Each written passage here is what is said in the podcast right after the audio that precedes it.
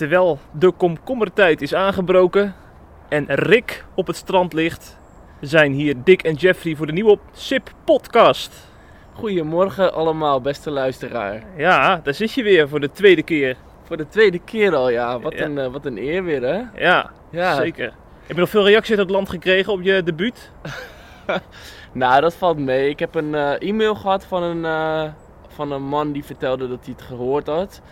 Dus eigenlijk is dat het enige. Ja, precies ja. Ja. ja. En dan zitten we weer hier in, achter het gebouw van de landelijke PKN. Precies, ja. Het is nog even mooi als altijd. Het, is, het valt wel op dat het gras steeds geler wordt. Ja, daar heb je een punt inderdaad, ja. Want gas hoort in mijn beleving toch groen te zijn, maar dit, dit kun je niet groen noemen.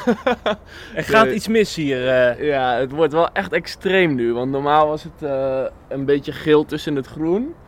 Maar nu is het echt letterlijk. Ik zit te kijken en het is gewoon helemaal geel. En een beetje een paar groene plukjes ertussen. Ja, dat is apart, ja. ja. Ik denk dat het dus de, de tijd wordt voor een eh, landelijke gebedsdag. Dat we gaan bidden om regen uit de hemel. Nou, dat vind ik mooi, Jeff, dat je het eh, op die manier benadert. En laat nou net deze week het Reformatorisch Dagblad precies hetzelfde idee hebben gehad. Ja, ik heb Daar het ook we het, gelezen. Daar moeten we het zomaar eens over hebben. Maar eh, we gaan het ook hebben over wat andere zaken. Want ik heb Koen Verbraak mogen interviewen. Hij, Ja, eh, is, hij is begonnen met een nieuwe serie Kijken in de Ziel. Met twaalf religieuze leiders. Dus daar gaan we het ook nog even over hebben. En niet te vergeten, ja we kunnen er toch niet omheen. Minister Blok, Mhm. die is natuurlijk vorige week in het nieuws geweest. Maar eh, voorganger Martijn Rutgers, die heeft er ook nog wat over gezegd. En over zijn uitspraken gaan we het ook nog even hebben.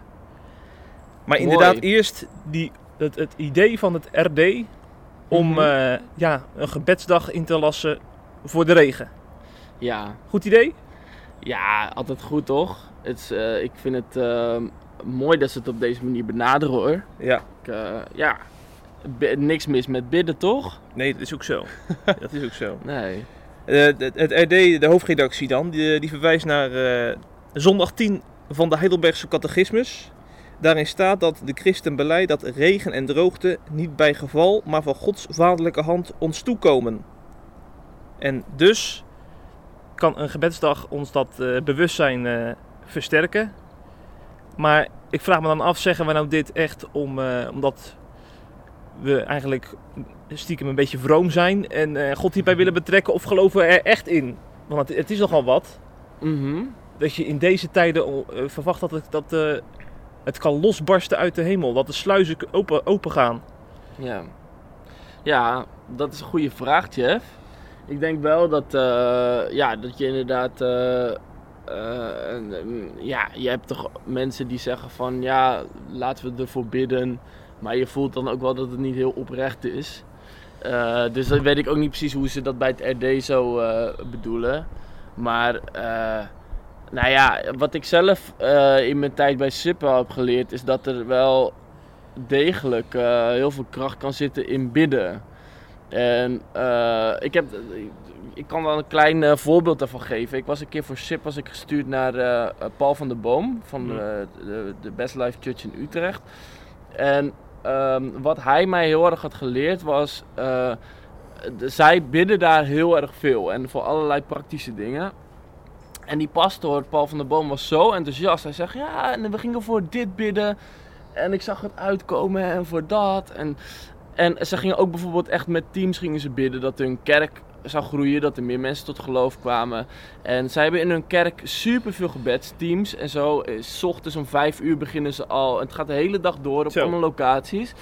En de, ik heb dat daar gezien en ik zag daar zoveel eh, dingen gebeuren. Eh, dat ik op een gegeven moment ook dacht van ja, weet je, dat moet ik voor mezelf ook gaan toepassen. Ja. En eh, ik denk als je, dat, het wel, ehm, dat er wel kracht in kan zitten als je echt op een kinderlijke manier eh, eh, daarnaar kan kijken. Weet je? Hm. Dat je gewoon echt gelooft dat, dat het echt verschil maakt als je bidt, zeg maar. En er staat natuurlijk ook in Jacobus van je ontvangt niet omdat je niet vraagt. Hm.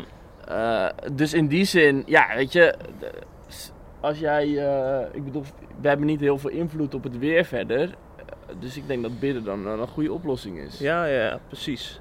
Ja, Ja. er zijn heel wat boeren mee geholpen hoor, als dat gebed wordt verhoord. Zeker, absoluut. Ja. Ja.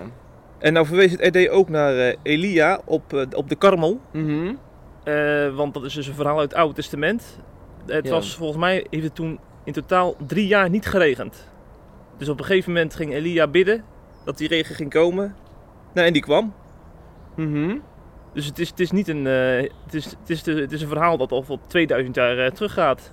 De, de, de- deze gebedsoproep van... eh, Ja, zeker. Ja. En ik moet zeggen, ik heb drie jaar geleden heb ik een zendings-echtpaar geïnterviewd. Mhm. Namelijk eh, Lodi en Vivi Kuivenhoven. Mhm. Zij eh, werken in een kinderdorp op het Indonesische eiland Borneo. En toen heb ik dus ook met hen gehad over ja, wat ze nou allemaal beleven daar zo. En wat ze daar allemaal voor bijzondere ervaringen hebben meegemaakt. En toen verwezen ze ook naar eh, een droge periode. Toen, eh, toen ze in een van die dorpjes eh, kwamen was, er geen, ja, was de, drank, de, de drinkvoorraad die was opgeraakt. De drank. Ja, ja, ja dat, dat, dat zou wat zijn hè. ja. op een kinderdorp in Borneo. maar maar die, die, die Lodi die ging toen ook bidden. Want die mensen waren natuurlijk helemaal eh, in paniek van ja, als het zo droog blijft, dan gaat het helemaal mis hier op het eiland. Dus die Lodi zei, nou we kunnen, we kunnen God vragen om regen, hè? weet je ook, dat kinderlijke geloof waar je net over had. En eh, de volgende ochtend kreeg hij bericht. En eh, ja, het was al zover. De regen was, eh, was Ja. neergedaald. Bijzonder. T- Ja, Ja. dus het, het is niet alleen eh, Elia op de Karmel, maar het is ook Lodi op Borneo die dit meemaakt. Precies, ja. Ja. En nog recenter, en, eh, in Israël, eind 2017, er was een speciale gebedsbijeenkomst bij de westelijke muur. En eveneens een gebed om regen. Honderden mensen deden dat. En op 1 januari dit jaar gingen de sluizen van de hemel open, staat hier. En stortregens vielen neer in het beloofde land. In twee uur tijd viel 15 mm regen. Zo. Leidde ook nog eens tot grote overstromingen. Gelukkig zijn er geen eh, slachtoffers bij gevallen, want anders was het, ge- het gebed eh, te, te veel verhoord. Ja, precies. Dat moet ook weer niet. Nee. Nee. Maar dit blijkt maar weer dat, eh, dat zo'n oproep van het RD dus zo slecht nog niet is. Nee, zeker niet. Nee, ik denk wel dat dat iets is wat, ehm, wat we misschien een beetje zijn kwijtgeraakt als christenen. Dat je het toch snel eh, een beetje theologisch wegredeneert van ja, weet je, God is ook geen Sinterklaas. En eh, eh, hij geeft je precies wat je nodig hebt. En ja, van tevoren ligt eigenlijk alles al een beetje vast wat zijn wil is voor je leven. Terwijl er zoveel oproepen in de Bijbel staan van bid en je zal gegeven worden. En ik geloof heel erg, ik heb het zelf echt gezien, dat op het moment dat ik die omswitch maakte en dat ik gewoon echt ook ging bidden, bijvoorbeeld voor vrienden of ze tot geloof zouden komen of voor bepaalde praktische dingen, Hm. eh, dat ik echt begon te zien dat die dingen gewoon uit konden komen. Dus ik denk dat het, ehm, ja, dat het wel, eh, eh, dat het, dat het belangrijk is om die teksten in de Bijbel ook gewoon serieus te nemen. Ja, precies. Ja. Ja. ja, Nou, we gaan het meenemen de komende week. Ja. Want het zal nog even droog blijven. Ja, precies. Ga, ga je er ook voor bidden, Jeff? Of, eh, Nou ja, weet je, ik heb, ik heb juist vorig jaar eh, wekenlang gebeden dat het eindelijk eens meer, meer dan twee maanden eh, zomer zou zijn. Ja, heel Dus goed. ik zie dit juist als een ja, gebedsverhoring. ik, eh, heb het ook, ik geniet er eigenlijk hartstikke erg van. ja, Ik daarom. moest ook wel trouwens lachen om een reactie van Joop van Ooyen Oh onder ja, het artikel. Want die zei ook van, ja, waarom zouden we hiervoor moeten bidden? Laten we eerst eens bidden dat, eh, dat Nederland tot bekering gaat komen. oh ja, ja. Dus hij had ook zoiets van, eh, leuk om dit te doen, maar stel je prioriteiten Ja. in je gebedslijst. Ja, precies. Ja, vond ik wel een, eh, een grappige opmerking. Ja, zeker. Ja. Die nemen we mee. Ja. Wij gaan naar vorige week. Toen was daar opeens een fragment van minister Blok. Ik weet niet of je het hebt meegekregen, Dick. Zeker. Maar even nog voor, voor de luisteraars. De minister van Buitenlandse Zaken liet dus eh, in een, tijdens een bijeenkomst weten dat hij niet gelooft in een vreedzame multiculturele samenleving. Eh, omdat ja, het nou eenmaal genetisch bepaald is dat mensen zich niet binden aan onbekende mensen. We gaan vooral voor de mensen die, we, die dicht, dichtst bij ons staan. En dat heeft natuurlijk toch al tot de nodige rumoer geleid in, eh, in ons land. Mhm. En vervolgens heeft die Blok ook zijn excuses aangeboden. En eh, nou ja, eigenlijk heeft hij zegt hij, eh, dat hij vooral zijn uitspraken betreurt. Hij heeft niks echt over de inhoud van zijn uitspraken nog eh, gezegd. Dus het leek een beetje een trucje om er zo Ja. van af te komen. Mhm. En ja, niet, ja, het hele land stond natuurlijk. was het, was het, nou ja, het hele land. Een groot deel van het land was het niet met deze minister eens. Onder, onder wie Martijn Rutgers. Hij is voorganger van een gemeente in Amsterdam, een multiculturele gemeente. Mhm. En ik ga hem eventjes citeren, want eh, hij heeft een heel opstel geschreven. En deze quote vond ik wel pakkend. Ik geniet juist van wat de Turkse bakker en de Surinaamse toko mij te bieden hebben. De drie beste vriendin- vriendinnetjes van mijn oudste dochter hebben een Bulgaarse, Braziliaanse en Marokkaanse achtergrond. In Oase, zijn gemeente in eh, Amsterdam, delen we ons leven met broers en zussen met meer dan 30 verschillende, verschillende nationaliteiten. Is dat altijd makkelijk? Nee. Is het de moeite waard? Absoluut. Ik geloof namelijk dat God zelf de schepper is van al die verschillende culturen in de wereld. En dat elke cultuur iets weerspiegelt van wie hij is. Maar alleen, maar alleen een deel van wie hij is. En dan zegt hij verderop ook dat eh, hij het erg zou missen als hij alleen maar in een kerk, zou- als hij in een kerk zou zitten met alleen maar witte Nederlanders. Want daar, daarmee zou je ook een, zeg maar, een eenzijdig beeld van God krijgen. Alsof hij ook een soort Nederlander is. En eh, om het complete praatje, pla- praatje, plaatje van God te krijgen, hebben we ook broers en zussen uit Afrika, Azië, noem maar op nodig, zegt hij. Ja, mooi. Ja, vind je het mooie uitspraken van Ja, deze... Nee, nee, wel. Nee, ik... ehm, eh, ja, ik... Wel, toevallig trouwens, ik woon in, in precies dezelfde buurt als eh, die meneer. Nieuw-West, hè, is dit? Ja, ik woon ook in eh Slotermeer is dat. Oké. Dus eh, eh, nee, ik begrijp zijn punt wel. Ehm, ja, ehm, kijk, wat, wat, eh, wa- wat je wel veel hoort, ook van Nederlanders die in die buurt wonen. Kijk, je hebt ontzettend veel Turken en Marokkanen daar wonen. En kijk, wat je daar niet heel sterk hebt, is dat je, dat je makkelijk mengt met die mensen, zeg maar. Weet je, ze, ze Ja. hebben hun eigen wereldje. En ja, dus in die zin zijn er ook wel heel veel mensen die dan ook wel een beetje zo roepen. Vooral die oude Amsterdammers die, die vroeger met allemaal van hun soortgenoten daar woonden. En nu alleen nog maar mensen met lange jurken en, en, en, en hoofddoekjes zien. Die zeggen dan van ja, weet je, wat moeten die mensen hier? En eh, eh, ja, die vinden het gewoon doorgeslagen. En nou ja, goed, daar is iets voor te zeggen. Ik heb ook wel eens in een andere multiculturele buurt gewoond met meer Afrikanen en Surinamers. Daar vond ik het persoonlijk dan ook weer heel anders, want dat mengt ook weer iets makkelijker. Dat lijkt iets dichter bij onze cultuur te staan. Ja. Maar ja, wat Blok zegt, ik vind het persoonlijk vind ik het wel echt best wel een beetje ver gaan. En ik denk wel dat heel veel christenen het met Blok eens zijn. Ja, dat zag Dat- ik ook op SIP. Ja, hè? Dat heel veel christenen toch vinden dat, eh, dat, dat, ja, dat we veel te veel moslims binnenhalen. En, eh, maar dan denk ik ook wel van, kijk, misschien is dat waar, weet je. En misschien is dat een taak van de overheid om te kijken hoe we dat, eh, eh, ja, dat we misschien kunnen zorgen dat, dat het uiteindelijk niet uitloopt op dat, dat we heel erg veel moslims in Nederland hebben. Maar aan de andere kant denk ik ook van ja, die mensen die zijn er nou eenmaal. En ehm, ik denk dat we ook gewoon moeten leren om eh, achter al die dingen te kijken. Dus van hoe komt het dat moslims zich afsluiten voor onze cultuur? En ehm, nou ja, wat ik eigenlijk denk is van, we, we, hebben- we moeten ook de houding van Jezus naar die mensen hebben. En ik heb het zelf, eh, ben ik, heb ik zelf heel lang ook er tegen aangelopen. Dat ik dacht van ja, weet je, die mensen ze integreren niet. Eh, je kan er helemaal niks mee.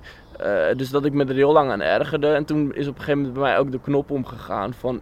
Weet je, ik ben een christen. Ik moet van elk mens houden. Ik moet elk mens eren. Ja. Dus ook deze mensen. Toen ben ik toch heel anders naar ze gaan kijken. En veel opener. En nu zie ik ook veel meer van... eh, kijk, de moslims zijn natuurlijk... eh, Dat is een theorie die, die, die je dan vaak hoort. Ook van de moslims komen van Ismaël vandaan. Weet je, het is een soort van... eh, Een volk wat heel veel afwijzing heeft ook, weet je. En ook Mm. best wel veel angst leven ze in. En eh, op het moment dat jij heel erg liefdevol naar die mensen benadert, valt mij heel erg op hoe verbaasd ze daarover zijn. Dat ze denken van wauw, weet je, er is gewoon een Nederlandse man die gewoon nu heel aardig tegen me doet. En ze openen zich daarvoor. En ik denk dat wij eh, die kansen moeten pakken en die mensen juist liefdevol moeten behandelen en, en ze opzoeken. En ze moeten laten zien dat, dat ze ook geliefd zijn door God. En eh, dat vind ik een betere houding dan wanneer je eh, vanaf eh, achter je computer al die mensen zit uit te schelden en, en, en PVV stemmen en dat soort dingen. Ja, Dat denk ik dat dat niet per se een oplossing is. Ik denk dat de grootste oplossing is als die mensen uiteindelijk Jezus leren kennen. ja precies. precies. Maar, maar los van de vraag of ze Jezus leren kennen, geloof jij dat, dat we in een, in een, gewoon in, in dit land vreedzaam kunnen, kunnen samenleven en eh, ook echt eh, op een manier waarvan we denken van hey, we zijn echt, we zijn echt één, zeg maar. Ja, dat denk je dat dat wel kan. Denk je ja? Ja, ik denk het wel. Ik denk dat het wel misschien met moslims wel lastiger is, over het algemeen, omdat ze natuurlijk wel een hele andere achtergrond hebben. Maar op het moment dat wij, eh, dat Nederlanders ook ietsjes, eh, iets meer acceptatie hebben naar moslims, denk ik dat zij zich ook makkelijker kunnen geven aan Nederland. Dus Ja. ik denk dat het wel kan. Oké, precies. Ja. Ja. En wel interessant, want Blok haalde ook Suriname erbij als Ja. voorbeeld dat het daar ook niet eh, goed Werkt. zit. Maar ik ben daar afgelopen maart geweest. ja. En eigenlijk alle verhalen die ik daar hoor en alles wat ik heb gezien, is dat ik de- juist denk dat Suriname wel het perfecte voorbeeld is. Omdat je daar best wel veel verschillende achtergronden hebt. Dus je hebt daar bijvoorbeeld mensen uit, eh, de- de- je- ze noemen die dan de Creolen. Dus dat zijn een beetje de Afrikaans-achtige Surinamers. Je hebt de Hindoestanen. Dus dat zijn dan meer de mensen uit eh, India, zeg maar. En de, de, de Javanen, die komen dan uit Indonesië. Eh, en je ziet ook dat die groepen ook weer met elkaar trouwen. En het is een één grote mengelmoes van culturen.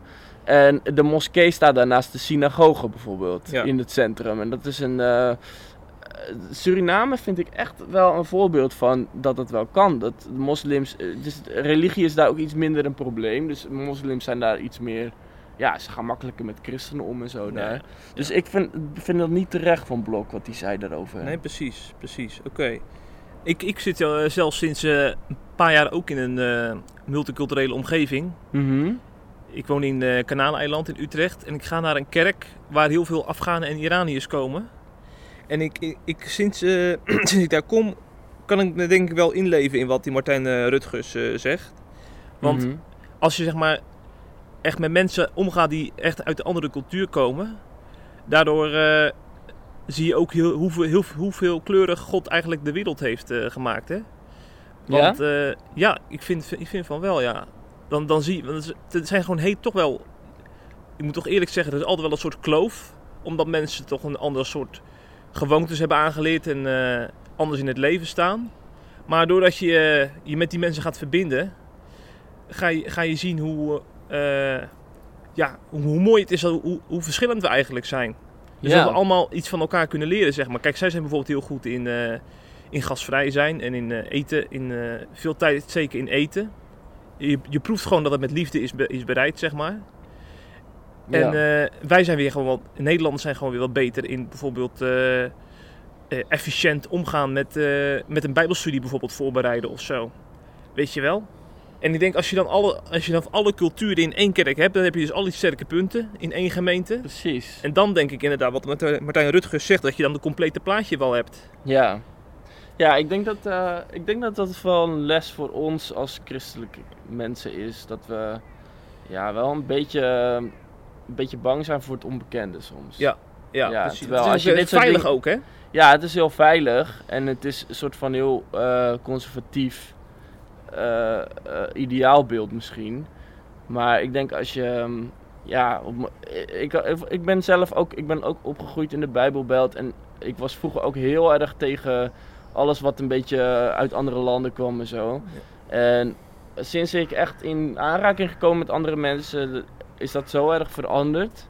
En ik denk dat dat wel goed is om, uh, ja, uh, om, om dat te doen. Ik bedoel, Jezus ging ook met een Samaritaanse vrouw. Weet je, dat was ook uh, totaal anders dan wat hij zelf vanuit zijn achtergrond gewend was. Ja. Denk ik ook van, we moeten ook gewoon ietsjes ruimer denken over sommige dingen is niet per se altijd slecht. Ja, precies. Nog even een kritische reactie van een uh, SIP-lezer. Mm -hmm. Anna Ter Andere heet ze. Martijn Rutgers kan er dan wel vrij en blij wonen in Amsterdam. Mijn Israëlische vrienden zeker niet. Sterker nog, ze mogen niet eens in die, in die wijk wonen en worden in een andere wijk opgehaald door een beveiligd busje om naar hun werk te kunnen. Dus deze kant is er ook nog, hè? Ja, wat vind je daarvan dan? Nou ja, ik moet eerlijk zeggen, ik volg dat. eh, ik volg het zeg maar. eh, Op de het, voet. het Joodse volk op de voet, omdat ik dat gewoon echt heel erg. Ik ben heel erg geïnteresseerd in de Tweede Wereldoorlog. En eh, sinds ik daar, mij daarin heb verdiept, ben ik heel erg gaan letten op ja, hoe, hoe we nou t- vandaag de dag met de Joden omgaan in de wereld. En het valt me wel op dat, zeker in, in eh, multiculturele wijken, ook in Europa, dat, dat, dat er best wel veel Jodenhaat is. En inderdaad, in, in Amsterdam zijn best wel wat incidenten geweest. Daar worden inderdaad, Joodse, Joodse school wordt daar beveiligd. Met camera's en, hek, en hekken. Dat is waar. En eh, mensen die een keppeltje op, op eh, doen, die, die krijgen al gauw allerlei vreselijke scheldwoorden naar hun hoofd. En het valt mij toch wel op dat eh, vooral mensen uit een, is- met een islamitische achtergrond zich daar schuldig aan maken. Dat is wel echt zo, ja. Ja, D- dus wat dat betreft is, is die, kant, die kant moeten we natuurlijk ook niet uit het oog verliezen. Ja precies. Nee, dat, eh, daar heb je wel een punt hoor. Dat, Ja. ja. ja, het is wel lastig om. eh, kijk, eh, ja, ik denk dat dat, een, dat, dat het de, de taak van de overheid is natuurlijk ook om daar heel hard op, op, eh, op te treden. En ja, ik weet het ook niet zo goed. Ik vind het ook een heel lastig punt. Ja. Eh, ik denk dat het misschien ook wel, ja, ik, ik, ik begrijp wel het punt hoor, van om er, er iets voor te zeggen valt van, eh, laat nou niet eh, eh, miljoenen moslims binnendruppelen. Ehm, niet dat er nu miljoenen zijn, maar voor, voor de toekomst. Dat, dat, daar begrijp ik wel. Maar ja, goed, voor de moslims die er zijn, denk ik dat wij als christenen in ieder geval de taak hebben om ze lief te hebben. En de overheid heeft de taak om gewoon keihard op te treden dat dit soort onzin niet meer voorkomt. Ja, ja. Zo denk ik het. Maar hoe, hoe denk jij daarover dan? Wat zou je daar tegen kunnen doen? Eh, nou, ik denk, ja, het klinkt een beetje gek, maar ik, ik denk dat je gewoon eh, in ieder geval heel veel in het, in het onderwijs hierin moet steken. Dus dat mensen gewoon te horen krijgen wat er in de Tweede Wereldoorlog gebeurd is, de Holocaust. En ook, ik denk dat we ook we moeten verplichten dat, eh, dat leerlingen naar, naar Auschwitz gaan. Eh, een één of twee dagen met, met een docent. Ik denk, als, als, want doordat mensen die geschiedenis niet kennen, sterker nog, die wordt in heel veel kringen ook nog eens ontkend. Ja, Daardoor krijg je dit soort toestanden. Wordt er een vijandsbeeld gecreëerd. ja. En, eh, maar ja, de vraag is of, of, of we al te, ik denk dat we al te laat zijn daarmee. Want ik denk, eh, die, die, die gedachten, die anti-Joodse gedachten zijn zo erg gevoed in bepaalde kringen. Daar krijg je er niet zomaar uit. En eh, zeker als dan mensen in hun eigen land opgroeien en dan hier naartoe komen. Dat is, dan is het heel moeilijk om nog, eh, om nog een keer teweeg te brengen, denk ik. Precies. Maar, ik denk, maar dat neemt niet weg inderdaad dat de overheid zijn, eh, zijn verantwoordelijkheid moet pakken. Dat hebben ze nog te weinig gedaan, vind ik hoor. Ja. in, dat- in Amsterdam is toch ook eh, een Joods restaurant ja, precies. is flink aangepakt door, door een Palestijn. Die de ruiten Ja. ingeslagen. En, en als ik dan hoor wat, wat de politie daar verder mee doet. Ik vind het mondjesmaat. Het komt niet Worden over ze diefstal alsof, behandeld of zo? Het komt niet over alsof er in Amsterdam een schrikbewind wordt gevoerd. Nee, niet bepaald. Nee. Want dit soort uitwassen moet je echt keihard aanpakken. Ja, precies. Want nu eh, zo'n man wordt nou, die, die moet een paar dagen in de cel en eh, misschien krijgt hij een taakstrafje of zo. Maar dit, is, dit, dit, dit gaat verder dan alleen eh, vernieling. Dit is antisemitisme, vind ik. Zeker. Ja. We gaan het over wat vrolijkers hebben. Want Koen Verbraak, als, al- als een man om vrolijk van te worden, als je die man alleen al hoort, vind ik. Zeker, ja. Dat is een journalist. Die, eh, die is met zijn laatste serie Kijken in de Ziel bezig. Hij is zich dus verdiept in eh, journalisten, in advocaten, in allerlei beroepsgroepen. En nu heeft hij twaalf religieuze leiders gesproken. En de komende weken worden, worden die afleveringen uitgezonden bij de NPO. En onder die twaalf religieuze leiders zitten ook eh, Orlando Botteblij, een baptistenvoorganger die we eigenlijk allemaal wel kennen. En een herstellervormende predikant, Floris van Binsbergen. En dat is wel heel leuk dat zij dus in een programma zitten met een hindoe-priester, met, eh, eh, met een imam, met, met Jo- Joodse, Joodse rabbijnen. En dat allemaal in één aflevering. Dat is toch wel uniek? Ja, zeker uniek. Was leuk om te zien. Heb jij het ook gezien? Ja, absoluut. Ja. Ja. wat vond jij ervan? Ja, ik vond het wel, eh, wel leuk hoor. Dat, eh, eh, ja, was gewoon interessant. Je hebt zoveel verschillende types. Ik vond wel dat er één persoon met kop en schouders bovenuit stak en dat was toch Orlando Bottomblij. Ja, waarom? Ja, zo'n. heel veel mensen waren toch wel een beetje serieus, zeg maar. Dus gewoon dingen. Maar Bottomblij was helemaal. Hij kon bijna niet op zijn stoel blijven zitten, zo vrolijk was hij.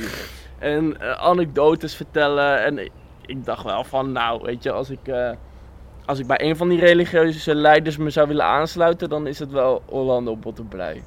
Ja, dus eigenlijk datgene wat hij uitstraalt is voor jou bepalend dan eh, ja, vond ik, vond ik leuk om te zien, ja. Ik vond het leuk dat hij, zo, eh, dat hij zo ontzettend vrolijk was. Ja, ja. ja, ja. En ehm, ja, ik heb het niet heel grondig bekeken, moet ik eerlijk zeggen hoor. Ik ben er Ja. een beetje doorheen gescrolld. ja, precies. Maar ehm, ja. Ja. En wat vond jij ervan?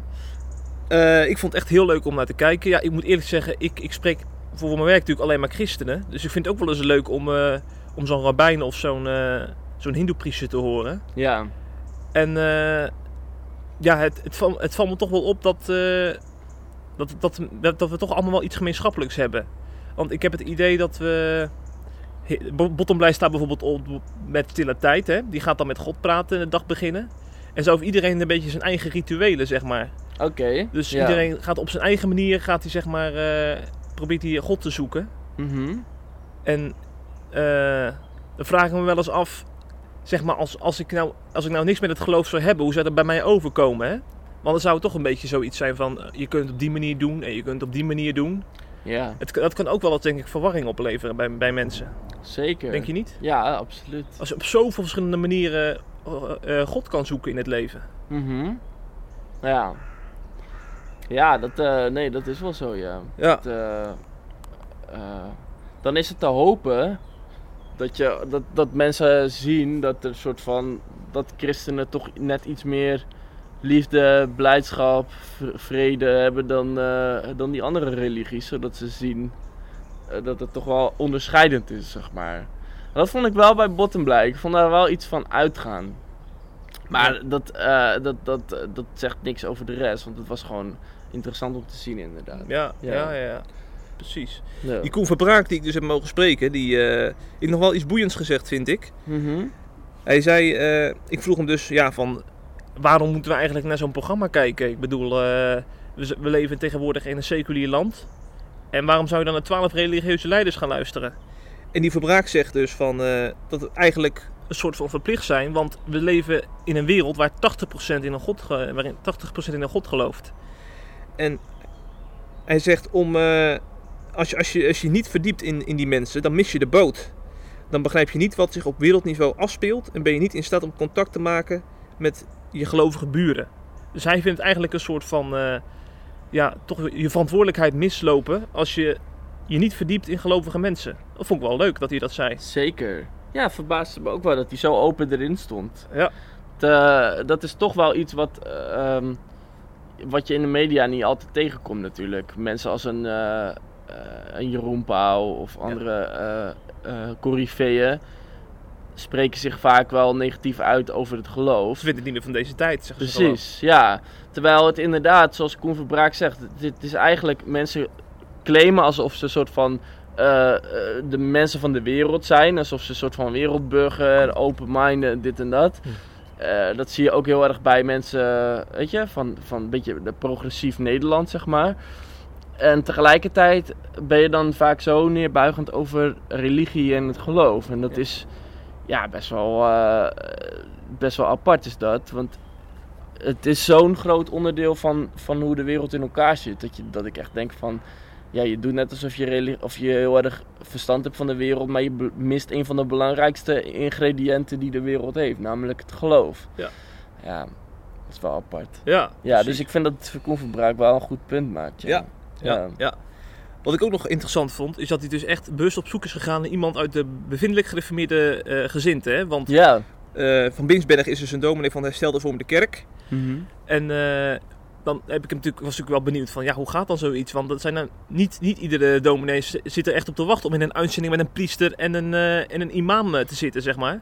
Precies. En toen zei hij ook van dat hij best wel veel moeite moest doen, want uh, ja, veel dominees reageerden niet eens op een, op een verzoek. Of uh, was het na één telefoontje al gelijk nee.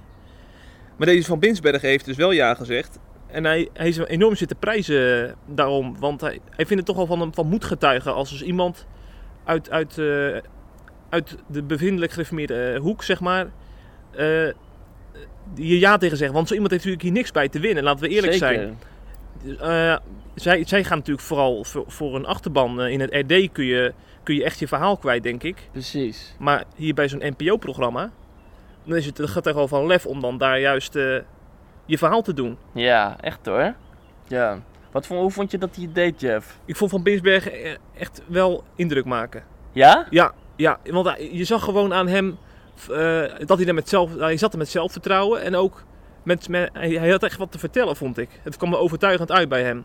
Ik moet eerlijk zeggen, dat heb ik niet bij, bij, bij mensen die, eh, eh, bij, wie, bij wie religie wat vager wordt beleefd. Precies. Bijvoorbeeld, bijvoorbeeld eh, iemand die eh, mediteert of zo, of eh, eh, ja, zeg maar de wat boeddhistischere mensen, zal ik maar zeggen. Zal ik maar Mhm. zeggen. Ik vind dat die niet echt een boodschap hebben. Nee. En, en dat vind ik wel het voordeel van bevindelijk gereformeerde mensen. Die staan altijd ergens voor. Hè? Precies, ja. En wat er ook gebeurt, die principes die blijven recht overeind staan.